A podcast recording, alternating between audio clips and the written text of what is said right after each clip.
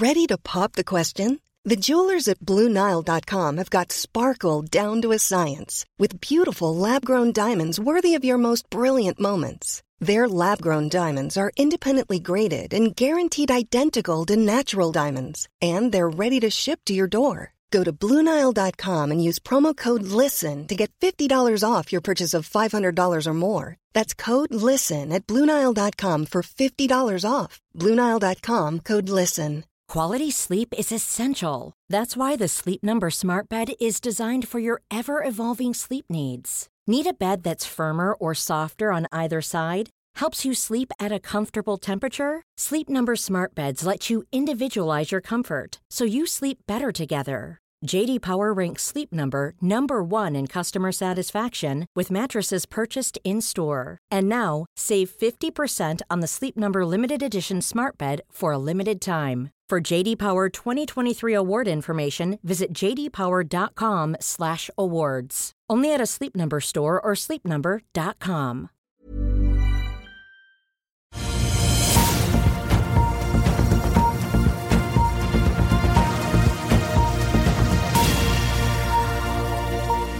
riktig god morgen og velkommen til Børsmorgen her hos oss i Finansavisen denne torsdagen. Mitt navn er Benedikte Storm Bamvik, og med meg har jeg aksjekommentator Karl Johan Molnes. Vi får også besøk av administrerende direktør i K33, tidligere også kalt Arcane Krypto, Torbjørn Bull Jensen, hvor vi skal prate litt om hva som trender i kryptomarkedet, og hvordan inflasjon og rentehevelser preger disse trendene. Men først skal vi se litt på Oslo Børs, som falt med 1,2 i går etter et kraftig oljeprisfall som utspilte seg gjennom handelsdagen. I dag så venter da Nordnett-analytiker Roger Berntsen at Oslo Børs vil åpne flatt. Det var derimot en mer positiv stemning på Wall Street i går kveld etter at svakere jobbtall sendte rentene på amerikansk statsgjeld ned til 4,73 og alle de tre hovedindeksene endte opp ledet av Nasdaq, som steg 1,35 Dette har også smittet over på flere av børsene i Asia og i stillehavsområdet torsdag morgen, der Nikkei i Japan er opp 1,5% for dagen, mens den bredere Topix-indeksen styrkes med 2 når det gjelder oljeprisen, så falt den da i går med over 5% i løpet av dagen, til 85 dollar og 97 cent. Og i dag så har den derimot steget litt med 0,3 til litt over 86 eh, dollar. I andre nyheter så har Stolt-Nielsen sparket i gang resultatsesongen nå eh, og meldte om driftsinntekter på 694 millioner dollar i tredje kvartal, ned fra 744 millioner dollar i samme periode i fjor. Driftsresultatet gikk noe opp, fra 112 millioner i fjor til 127 millioner i år. Samtidig så har det kommet ferske trafikktall fra Norwegian, som hadde over to millioner passasjerer i september. De sier også at 99,7% av oppsatte flyvninger ble gjennomført. Det er det høyeste nivået siden pandemien.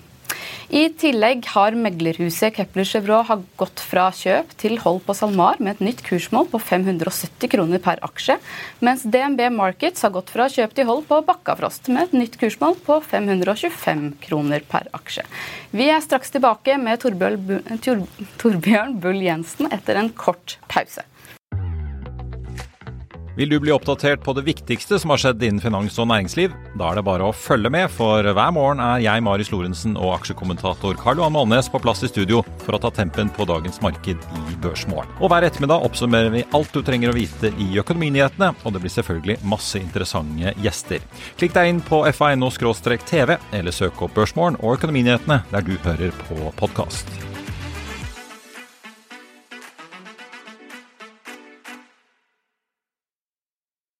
Da er det bare å ta vel imot Torbjørn Bull Jensen, administrerende direktør i K33. Velkommen til oss. Takk, takk. Skal vi ikke kicke det i gang med å starte litt om eh, hvordan kryptomarkedet ser ut i dag? Vi ser jo at eh, bitcoin, som en gang hadde en all time high på nesten 69 000 dollar per bitcoin, den handles jo nå til 27 400 dollar. Hva er det som på en måte beveger disse kursene i dag? Hva er det som trender nå? Så på overflaten så er det ganske flatt, og vi er inne i en uh, akkumuleringsfase. Uh, det har bitcoin slurt opp og ned mellom 25 000 30 000. Det er riktignok da opp 60% fra starten av året, uh, men det har vært mye horisontal bevegelse den siste tiden. Men under overflaten så er det ganske store bevegelser. For det vi ser, er at selgersiden er i ferd med å bli ferdig solgt. Altså de som da har solgt seg ferdig fra denne toppen og på vei ned. Og at det nå balanseres ut av en økende kjøpeside. Og Det spennende skiftet er jo skiftet fra småsparere, som i særlig grad har drevet dette markedet, mer over til institusjonelle aktører. Akkurat nå så ser vi det mest med nyhetene fra hva de institusjonelle aktørene bygger ut av tjenester. Altså Tidligere i år så hadde jo BlackRock som verdens største formuesforvalter, som gikk ut og søkte om en ETF, eh, e for, altså en spot bitcoin-ETF. Eh, vi har nettopp nå fått de første ETF-ene basert på futures-kontrakter i USA. Vi ser store aktører som Deutsche Bank, Society General bygge ut custody-løsninger. Så når vi ser denne utviklingen fra institusjonelle aktører som bruker hundrevis av millioner av dollar på å bygge ut tjenester, så gjør de ikke det fordi de er veldig fan av krypto. De gjør det fordi de tror på at dette markedet har stort potensial på lang sikt. De tror de kommer til å kunne tjene milliarder av dollar på dette. Og Det betyr at de egentlig da tror på at det kommer til å komme inn hundrevis av milliarder av dollar i kapital inn i dette markedet i årene framover fra den klientbasen de har. Men eh, for de som prøver, altså, hører og ser på, eh, hva er en ETF, og hvorfor er det plutselig så mange søknader på plass nå i USA om eh, konvertering til ETF, eller søknad om å få det på plass? Så En ETF er jo et børshandlet eh, fond, om du vil, eller børshandlet produkt. Eh, og da En bitcoin-ETF eh, har jo da bitcoin som underliggende verdiobjekt. Vi har en stund hatt ETF-er hvor det har vært kontrakter, altså future-kontrakter på bitcoin som underliggende. Men nå eh, er det da søknad om å ha bitcoin spot, altså fysiske bitcoin om du vil, eh, hvor enn digitale de er, som underliggende. Eh, og Dette er ekstremt viktig fordi det er en rekke aktører som ikke har tilgang til eller ønsker å kjøpe bitcoin direkte, men som kan kjøpe slike børshandlede produkter. Da får du en regulering rundt det som gjør at f.eks. pensjonsfond lettere kan putte det inn i sin portefølje, så det tilgjengeliggjør det til mer et eh, bredere spekter av institusjonelle aktører. Så det er en pakketering av bitcoin som gjør det mulig for aktører som tidligere var ekskludert fra markedet, å kunne delta. Er det tryggere sånn sett enn å handle ren bitcoin?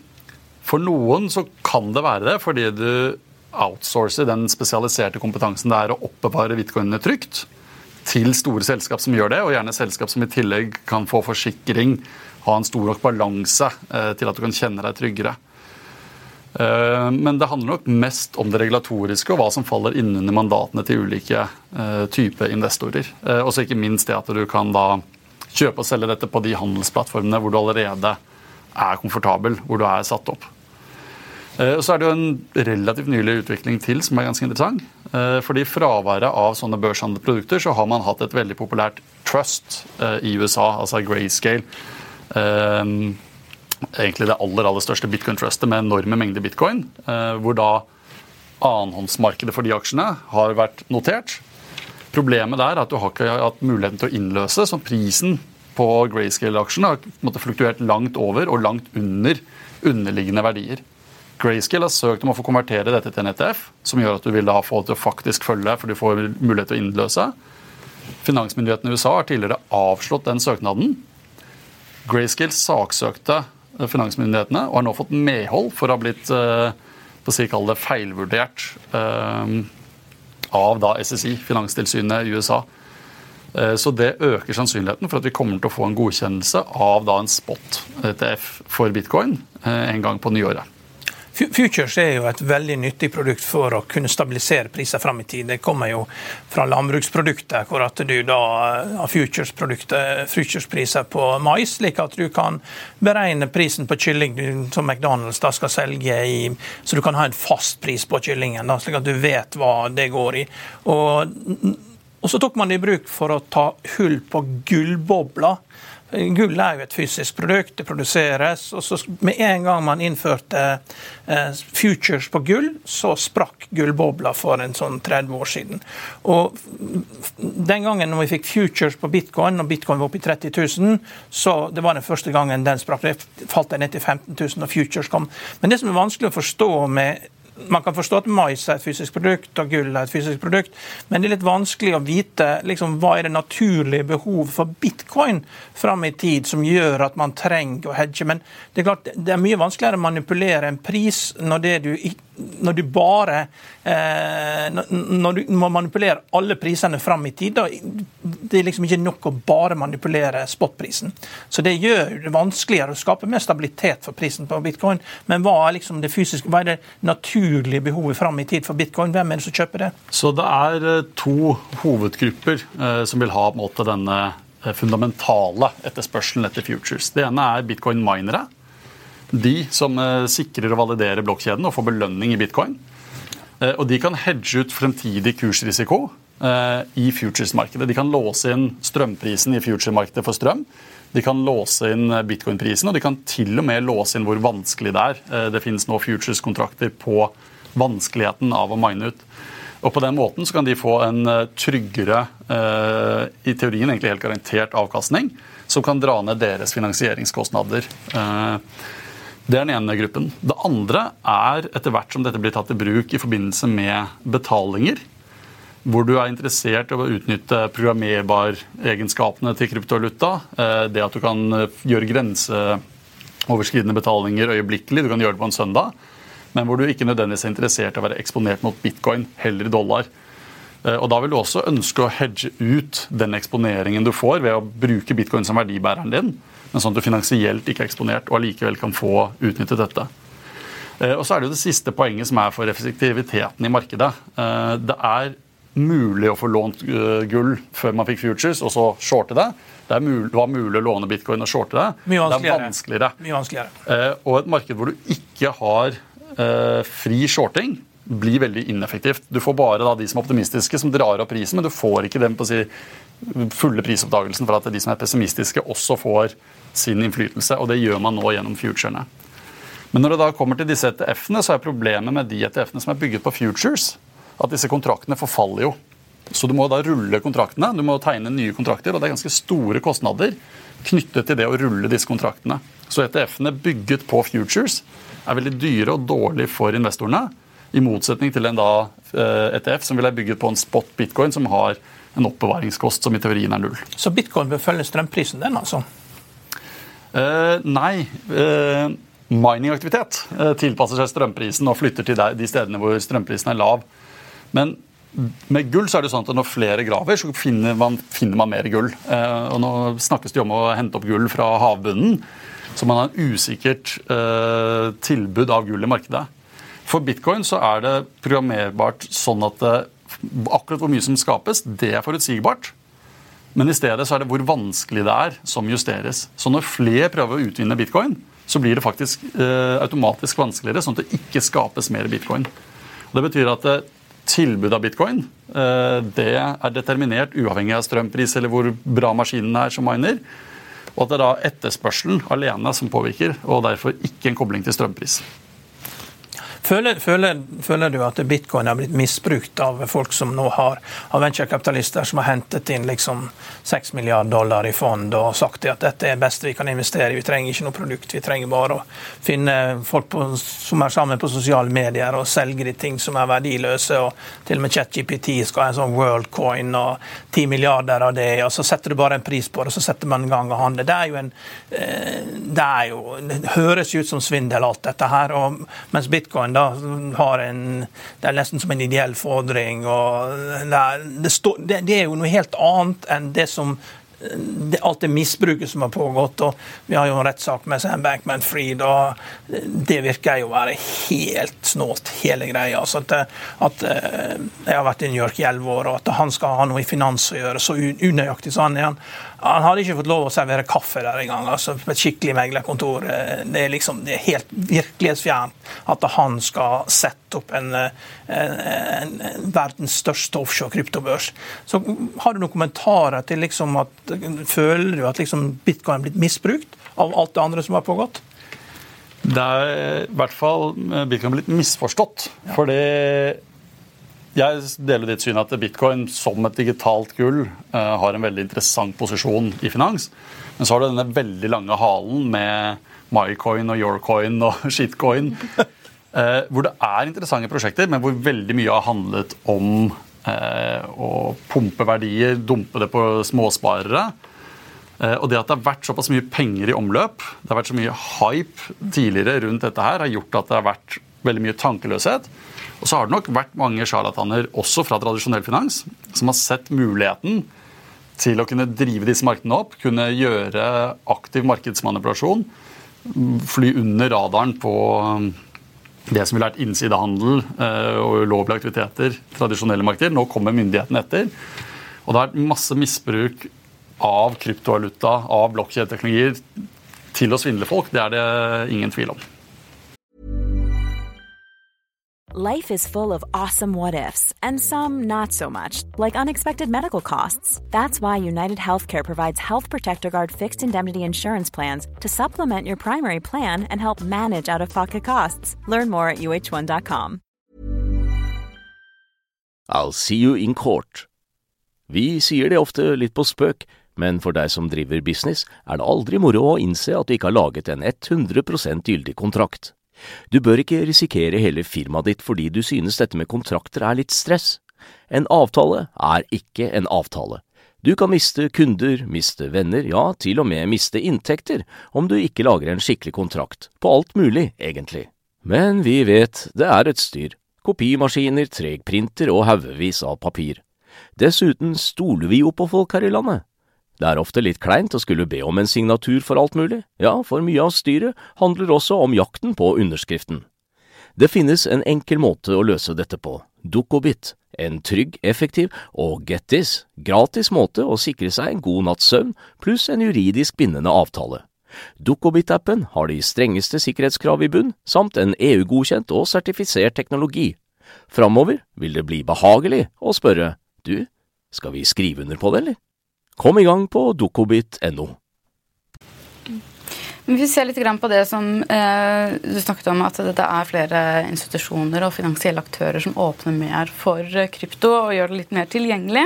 Det var det du mente, ikke sant? Ja. Eh, det er jo noe dere også har eh, fokusert litt på, hvis jeg forstår det riktig. At dere har åpnet en ny regulert og lisensiert indeks, stemmer ikke det? I K33? Ja, så Vi har sluppet en indeks eh, hvor vi ser på topp 30 kryptovalutaer så fjerner vi det vi mener er for svakt.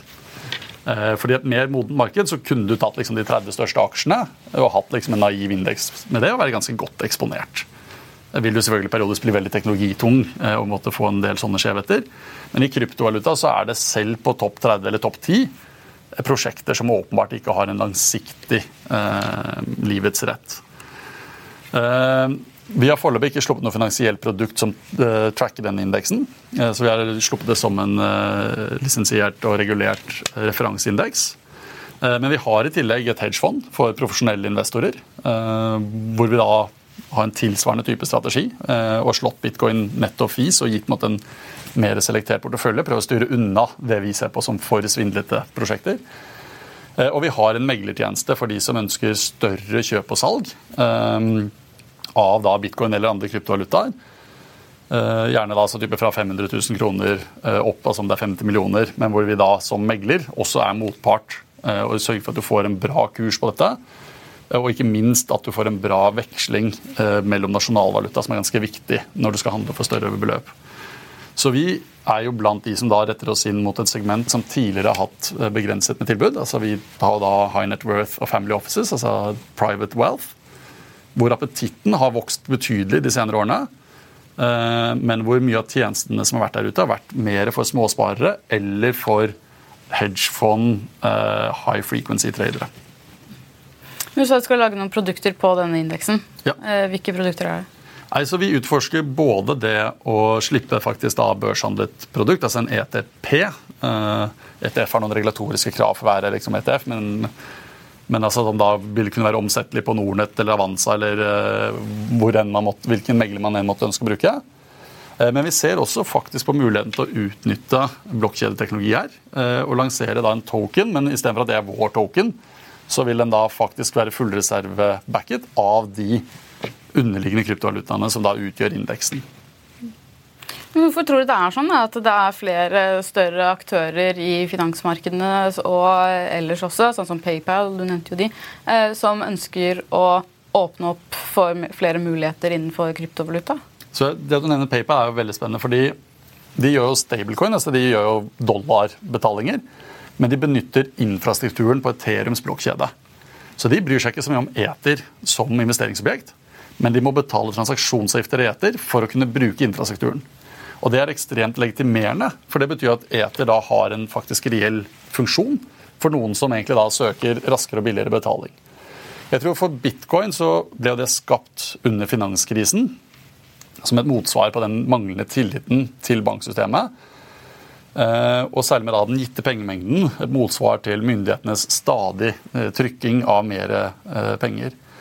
Og Vi står nå i en situasjon der gjeldsgraden er ekstremt høy i vestlige land. Altså Vi ser jo nå fra USA at rentekostnadene på statsgjeld er nå høyere enn forsvarsbudsjettet. Og det er vel da stadig flere som ikke tror på at de rentene kommer til å forbli høye og økende over tid. For man ser at dette gjeldsberget kommer til å briste. Eh, og man forventer at man kommer til å måtte ha en bråvending i pengepolitikken med økt likviditet, inflasjonspress igjen. Eh, og da er det i en godt diversifisert portefølje fornuftig å ha noe som da myndigheter ikke kan trykke. Det er et verdiforslag som stadig flere da oppdager. Og så er det viktig å huske at Tidligere var dette noe som bitcoin-tilhengere pushet. Eh, kanskje litt spesielle folk som satt på barer i Kreuzberg i Berlin og som var vanskelig for tradisjonelle finansaktører å assosiere seg med. Så ble det litt vanskelig å høre argumentene. Pluss at bitcoin var veldig ungt, så det var en idé. Nå begynner eh, bitcoin har en så lang historikk. Fortsatt kort forhold til gull, åpenbart, men lang nok til at man begynner å se at dette er her for å bli.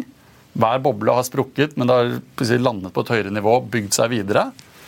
Eh, og når man da har CEO i BlackRock, Larry Fink, som er ute og hevder at bitcoin er digitalt gull, og mener at kryptovaluta kommer til å forbigå enhver enkelt nasjonalvaluta, så er det ganske mange som spisser ørene og setter seg inn i argumentene, som egentlig har vært der hele tiden, men får øynene opp for mulighetene som ligger der. Hva er mark markedsverdien på bitcoin? Er det 3 trillion dollar eh, ca.? Eh, skal vi se 30 000 dollar og, og 20 millioner bitcoin, eller altså 21 millioner bitcoin, da, som er den maksimale som kan skapes. Rundt 20 av de er i omløp. Så blir vel det da 6 jeg må jeg passe på desimalen min her, da. Uh, blir det seks Seks trillioner? Mm. Trillion Nei. Men, men, gull er jo mye mye større, ikke sant? så det er mye vanskeligere å flytte gull. Det er ikke 600 milliarder, da? Ja. men det, hele. Hele komplekset, da. Det er jo kryptovaluta. da, Jeg, jeg, jeg ja. det er 3 trillioner dollar. Da. Og gull er jo på 40 trillion dollar, etter som jeg forstår. da. Det er liksom, så det er mye tyngre å flytte gull. Eh, enn å flytte prisene på bitcoin, for det er mye mindre. Eh, men det er klart at her er det en av årsakene til at eh, PayPal engasjerer seg, er jo at eh, de, er at de sliter i konkurransen med Apple Pay. så de, må, de, vil jo øke sine markedsandeler og prøve å holde på ting som ikke går så fort. For Apple Pay spiser jo mer og mer av betalingsmarkedet. Så det er en del du, mm. ikke undervurder den siden av det. Nei, og nettopp det at gullmarkedet er så mye større, ja. det er jo oppsidecaset for bitcoin. Ja. Og Det er derfor selvfølgelig bitcoin hopper og spretter mer i prosent nå. Men hvis bitcoin begynner å fortsette å spise av det target-markedet som gull er, så er det jo en betydelig oppside. Nettopp fordi den market capen er så mye høyere. Og, Det virker jo som at eh, det er jo ingen marginale selgere i dette. her, fordi Selv gull, som alle skal ha, er ned med 10 etter at renten har gått opp. Så det betyr jo at eh, selv i gull er det marginale selgere som selger gull for å få likviditet. da. Men det er ingen, som, ingen av eierne av bitcoin som selger det for å få likviditet. Det er jo uberørt eh... Ja, det er, det er, nesten bare, ser det ut som nå, minere. Ja. Eh, altså de som, som, må selge, for de har strømregninger å dekke. Og ellers er det veldig veldig tørt på selgersiden.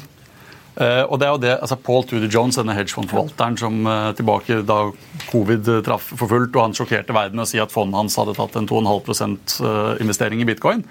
Det han trakk fram, var at han så at de som eide bitcoin, solgte ikke, til tross for det kraftige fallet. Han så at det var i praksis da en svært begrenset fri flyt. Altså, det er jo i teorien fri flyt, men folk holder på disse bitcoinene. De har ingen planer om å selge. Og det betyr at hvis du får bare litt økning i den etterspørselen, eller da neste vår hvor mining-belønningen kuttes i to, litt redusert salg, så vil den kursen kunne eksplodere til oppsiden. For det er ikke selgere. Og det betyr at eh, Hvis da kursen går, så får du ikke flere, eh, eller betydelig flere som selger. Kan du si noe om sammenhengen mellom stable-valutaen Tether og bitcoin? Så det er, eh, det er ingen direkte sammenheng mellom Tether, sånn en dollar-denominerte stablecoin, og bitcoin. Det har vært mange spekulasjoner om at det har blitt printet Tether ut av løse luften og blitt brukt til å kjøpe bitcoin. Men det ser det ikke ut til å være noe hold i de spekulasjonene. Jeg tror den viktigste koblingen er én at stablecoin som Tether gjør kryptomarkedet mer effektivt. Det gjør at kapital flyter friere mellom børsene. For du trenger både at kryptovalutaene kan flyte, men du trenger også nasjonalvaluta for å få et effektivt marked. Så det gjør markedet bedre. Uh, og det andre er at Tether, sammen som PayPal, benytter blokkjedene, uh, ikke bitcoin sin, men da Ethereum sin og andre blokkjedenettverk, som infrastruktur. Eh, og dermed beviser at disse blokkjedene faktisk har en rolle å spille i eh, den finansielle infrastrukturen. Når du ser på lønnsomheten til altså, den amerikanske kryptobørsen eh, Coinbase, har du enorm lønnsomhet under, under, pandemien. Det er sikkert linket til disse her tvilsomme utstedelsene, altså markedsførte myntene, skjetongene. Men de norske kryptobørsene de virker jo å ha mye edlere motiver. og eh, Det virker jo å være vitenskapsfolk som står fram og, og, og, står bak disse her. De, men de tjener ikke penger, noen av de. Hva er det de gjør feil? Det er vel uh, ingen som driver business uh, med edle motiver. Altså man ønsker jo å tjene penger. Uh, og markedet var ekstremt hot. Med store store volumer. Men også Coinbase sliter nå fordi aktiviteten er mye lavere. Og de har hatt en businessmodell som har vært helt avhengig av avgifter på handelsvolum. I vanlig finans så er jo mesteparten av pengene skapes jo basert på avgifter på Assets Under Management, AUM. Det er modellen vi går etter.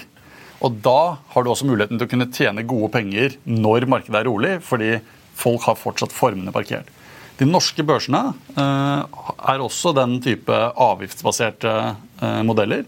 Og Det betyr at når nå markedsaktiviteten er lav, så blir det fryktelig vanskelig eh, å tjene gode penger fordi handelsvolumene er lave. Og det hjelper ikke om det står milliarder av kroner av verdier i kryptovaluta hvis du ikke har fått på plass en AUM-basert modell i bunnen.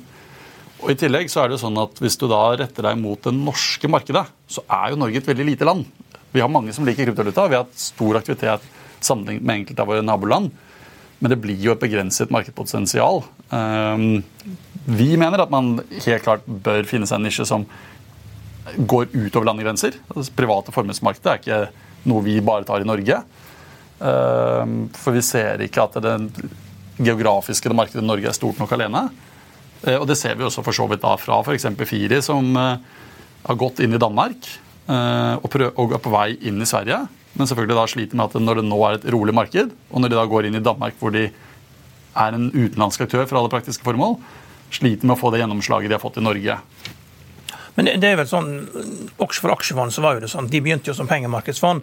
så du hadde en, du hadde, I begynnelsen altså hadde du en value proposition som gjorde at folk kom til deg for å få en rente. og Etter hvert så ble det en asset management business der du holdt aksjefondet på lengre sikt. Men det, det begynner. og det har jo vært forsøk fra bitcoin å skape sånn lånefinansierte produkter med Terra Luna og liksom få, få i gang businessen, skape den aktive asset management-businessen ved å ha en lånebasert eh, Men det har ikke gått bra, for det, det gikk galt. og Der er jo det folk som da ja, De skylder massevis av nordmenn penger.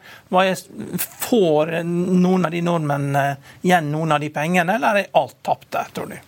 Man får nok noe igjen fra altså da, BlockFi eh, eh, og Celsius, som var disse to store kalde kryptobankene som gikk over ende.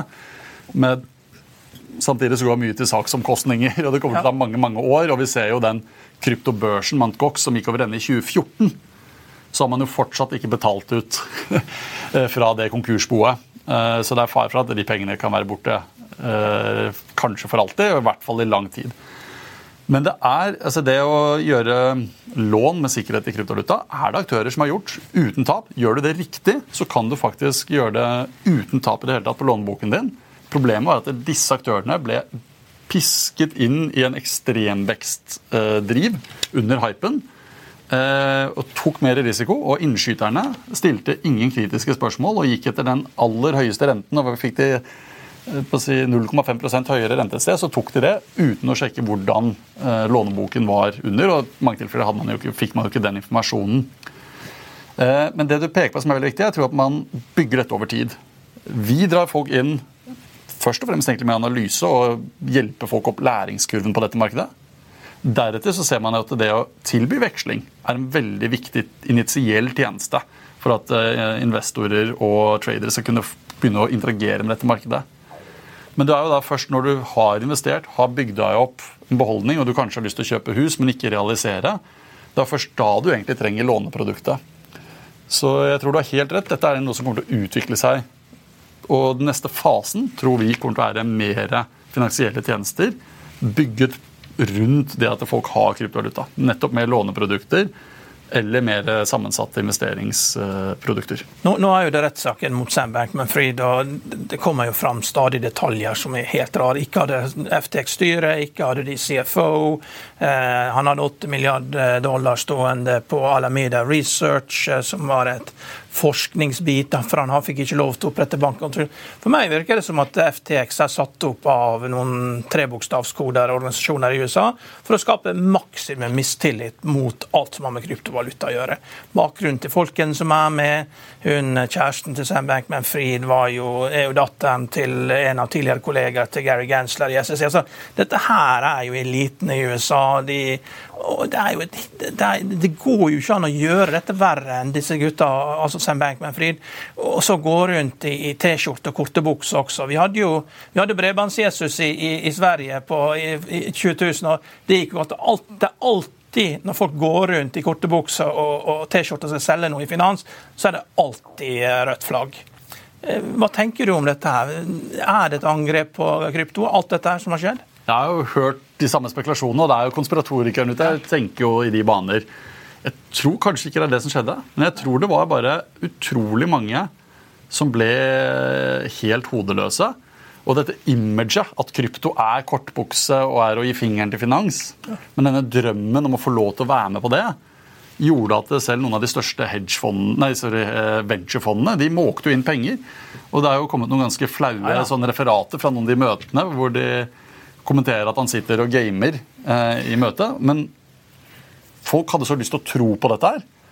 Eh, og Sam klarte å liksom bygge dette imaget, eh, som da ble en sånn der selvoppfyllende profeti hvor alle trodde på det. Eh, og hvor han da kunne drive tidenes pyramidespill og luftslott.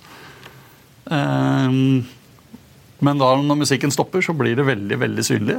Eh, og da blir det egentlig veldig flaut for alle som har prøvd å sett på dette her og ikke oppdaget de røde flaggene. Eh, og Det blir veldig klart etterpå, og man klør seg litt i huet hvorfor det ikke var klarere underveis. Eh, for det var jo en del eh, varsellamper, og det var en del mistanker, men det var ingen som så for seg hvilken skala dette skjedde på. Du, du får ikke så bred markedsdekning. Du får ikke en mann på sånn kinoplakater, hodet hans overalt på forsiden, uten at det er sterke krefter bak som pusher dette. Men, men, han brukte jo var det 50 millioner dollar på både republikanerne og 50 millioner dollar ja. på demokratene. I, det blir veldig interessant, for det, i donasjoner. Ja. Eh, nå ser det ut som det blir clawback på de, altså at eh, konkursboet skal be om de tilbake. Så det blir spennende å se hvor eh, de donasjonspengene har blitt brukt, og hvordan det skal gjøres opp. Men altså når du har brukt 100 millioner da, dollar på lobbying, så, som én person egentlig, da, så får du i hvert fall noe god vilje. Så, så var det, det var så mange som hadde så lyst til å sole seg i glansen hans og investerte i hans brand. Eh, kjendisinvestorer som Kevin O'Leary og andre som dermed si, forsvarte han eh, selv et stykke etter at ting begynte å, å, å rase. da. Kevin O'Leary hadde... er ikke å se på skjermen mer. Han er borte. vi må snart begynne å runde av. Jeg må liksom bare begynne å runde av samtalen der, men vi må også se litt fremover. Er, du har snakket litt om makroøkonomien. Du har snakket om at det er veldig stille i markedet. Det er ikke så like mange som handler krypto som de pleide å gjøre, i hvert fall under pandemien. Hva er det man venter nå i markedet fremover? Når kommer kjøpelysten til, eh, tilbake? Vi forventer jo hos oss, uh, diskutert med Vetle hos oss som er analytikere også, at ut året så kommer det nok til å ligge og slure. Ser ingen grunn til at det skal komme noe sterkt moment. Det kan selvfølgelig komme noen nyheter som man ikke aner hva er, som kan sende dette i en eller annen retning. Men man ser at akkurat nå er korrelasjonen med makro- eh, og kryptomarkedet null. Eh, krypto gjør sin egen ting, og det er ikke noen store ting som kommer til å endre seg mellom nå og årsslutt, antageligvis. Jeg tror selv at en viktig trigger kommer til å bli til neste år. For jeg ser ingen vei utenom at uh, de høye rentene vi har nå, kommer til å føre til at det sprekker et eller annet sted. Om det er i eiendomsmarkedet eller næringseiendom, eller altså, om det er i banksektoren, som er en invertert rentekurve hvor bankene går fra først å ha likviditetsproblemer som de hadde i våres, som nå har blitt løst kortsiktig med den låneordningen USA stabler på bena, men nå får en lønnsomhets- eller PNL-krise. Jeg vet ikke.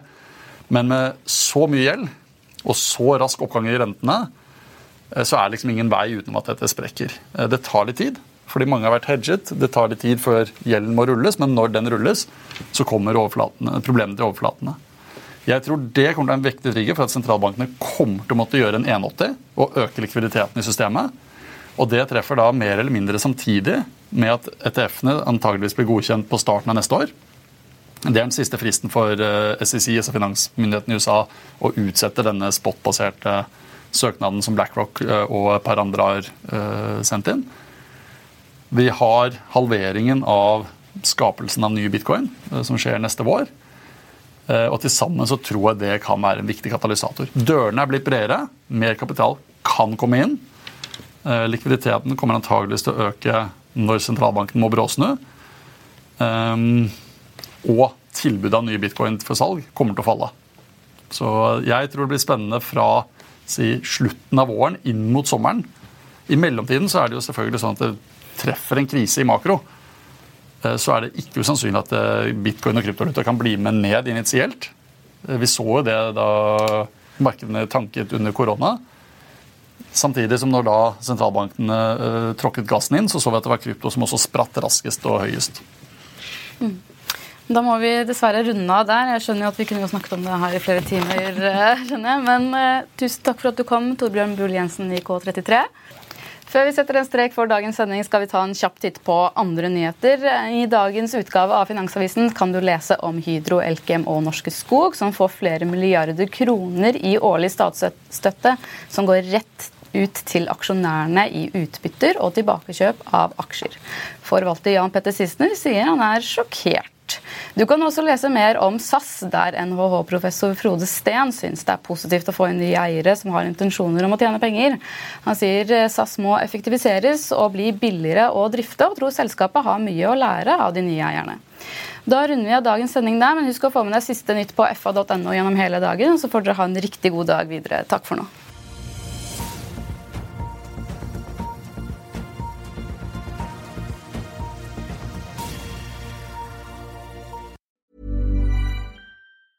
Confidence starts with loving who you are. And when your skin feels nourished and glows on the outside, you naturally radiate confidence from the inside. Give your skin a glow up with Osea's clinically proven Mega Moisture Duo. This ultra hydrating body care features two of Osea's best sellers, Undaria Algae Body Oil and Undaria Collagen Body Lotion. These seaweed powered heroes use skincare level ingredients normally reserved for your face for results you can see and confidence you can feel. Osea has been making clean, clinically proven seaweed infused face and body care products for over 28 years. This luxurious skincare is vegan, cruelty free, and climate neutral certified, so you never have to choose between your values and your best skin. Glow from the inside out. Get 10% off your first order with code GLOW at OseaMalibu.com. That's O S E A Malibu.com code GLOW. Økonominyhetene er en podkast fra Finansavisen. Programledere er Marius Lorentzen, Stein Ove Haugen og Benedikte Storm Bamvik. Produsenter er Lars Brenden Skram og Bashar Johar. Og ansvarlig redaktør er Trygve Hegnar.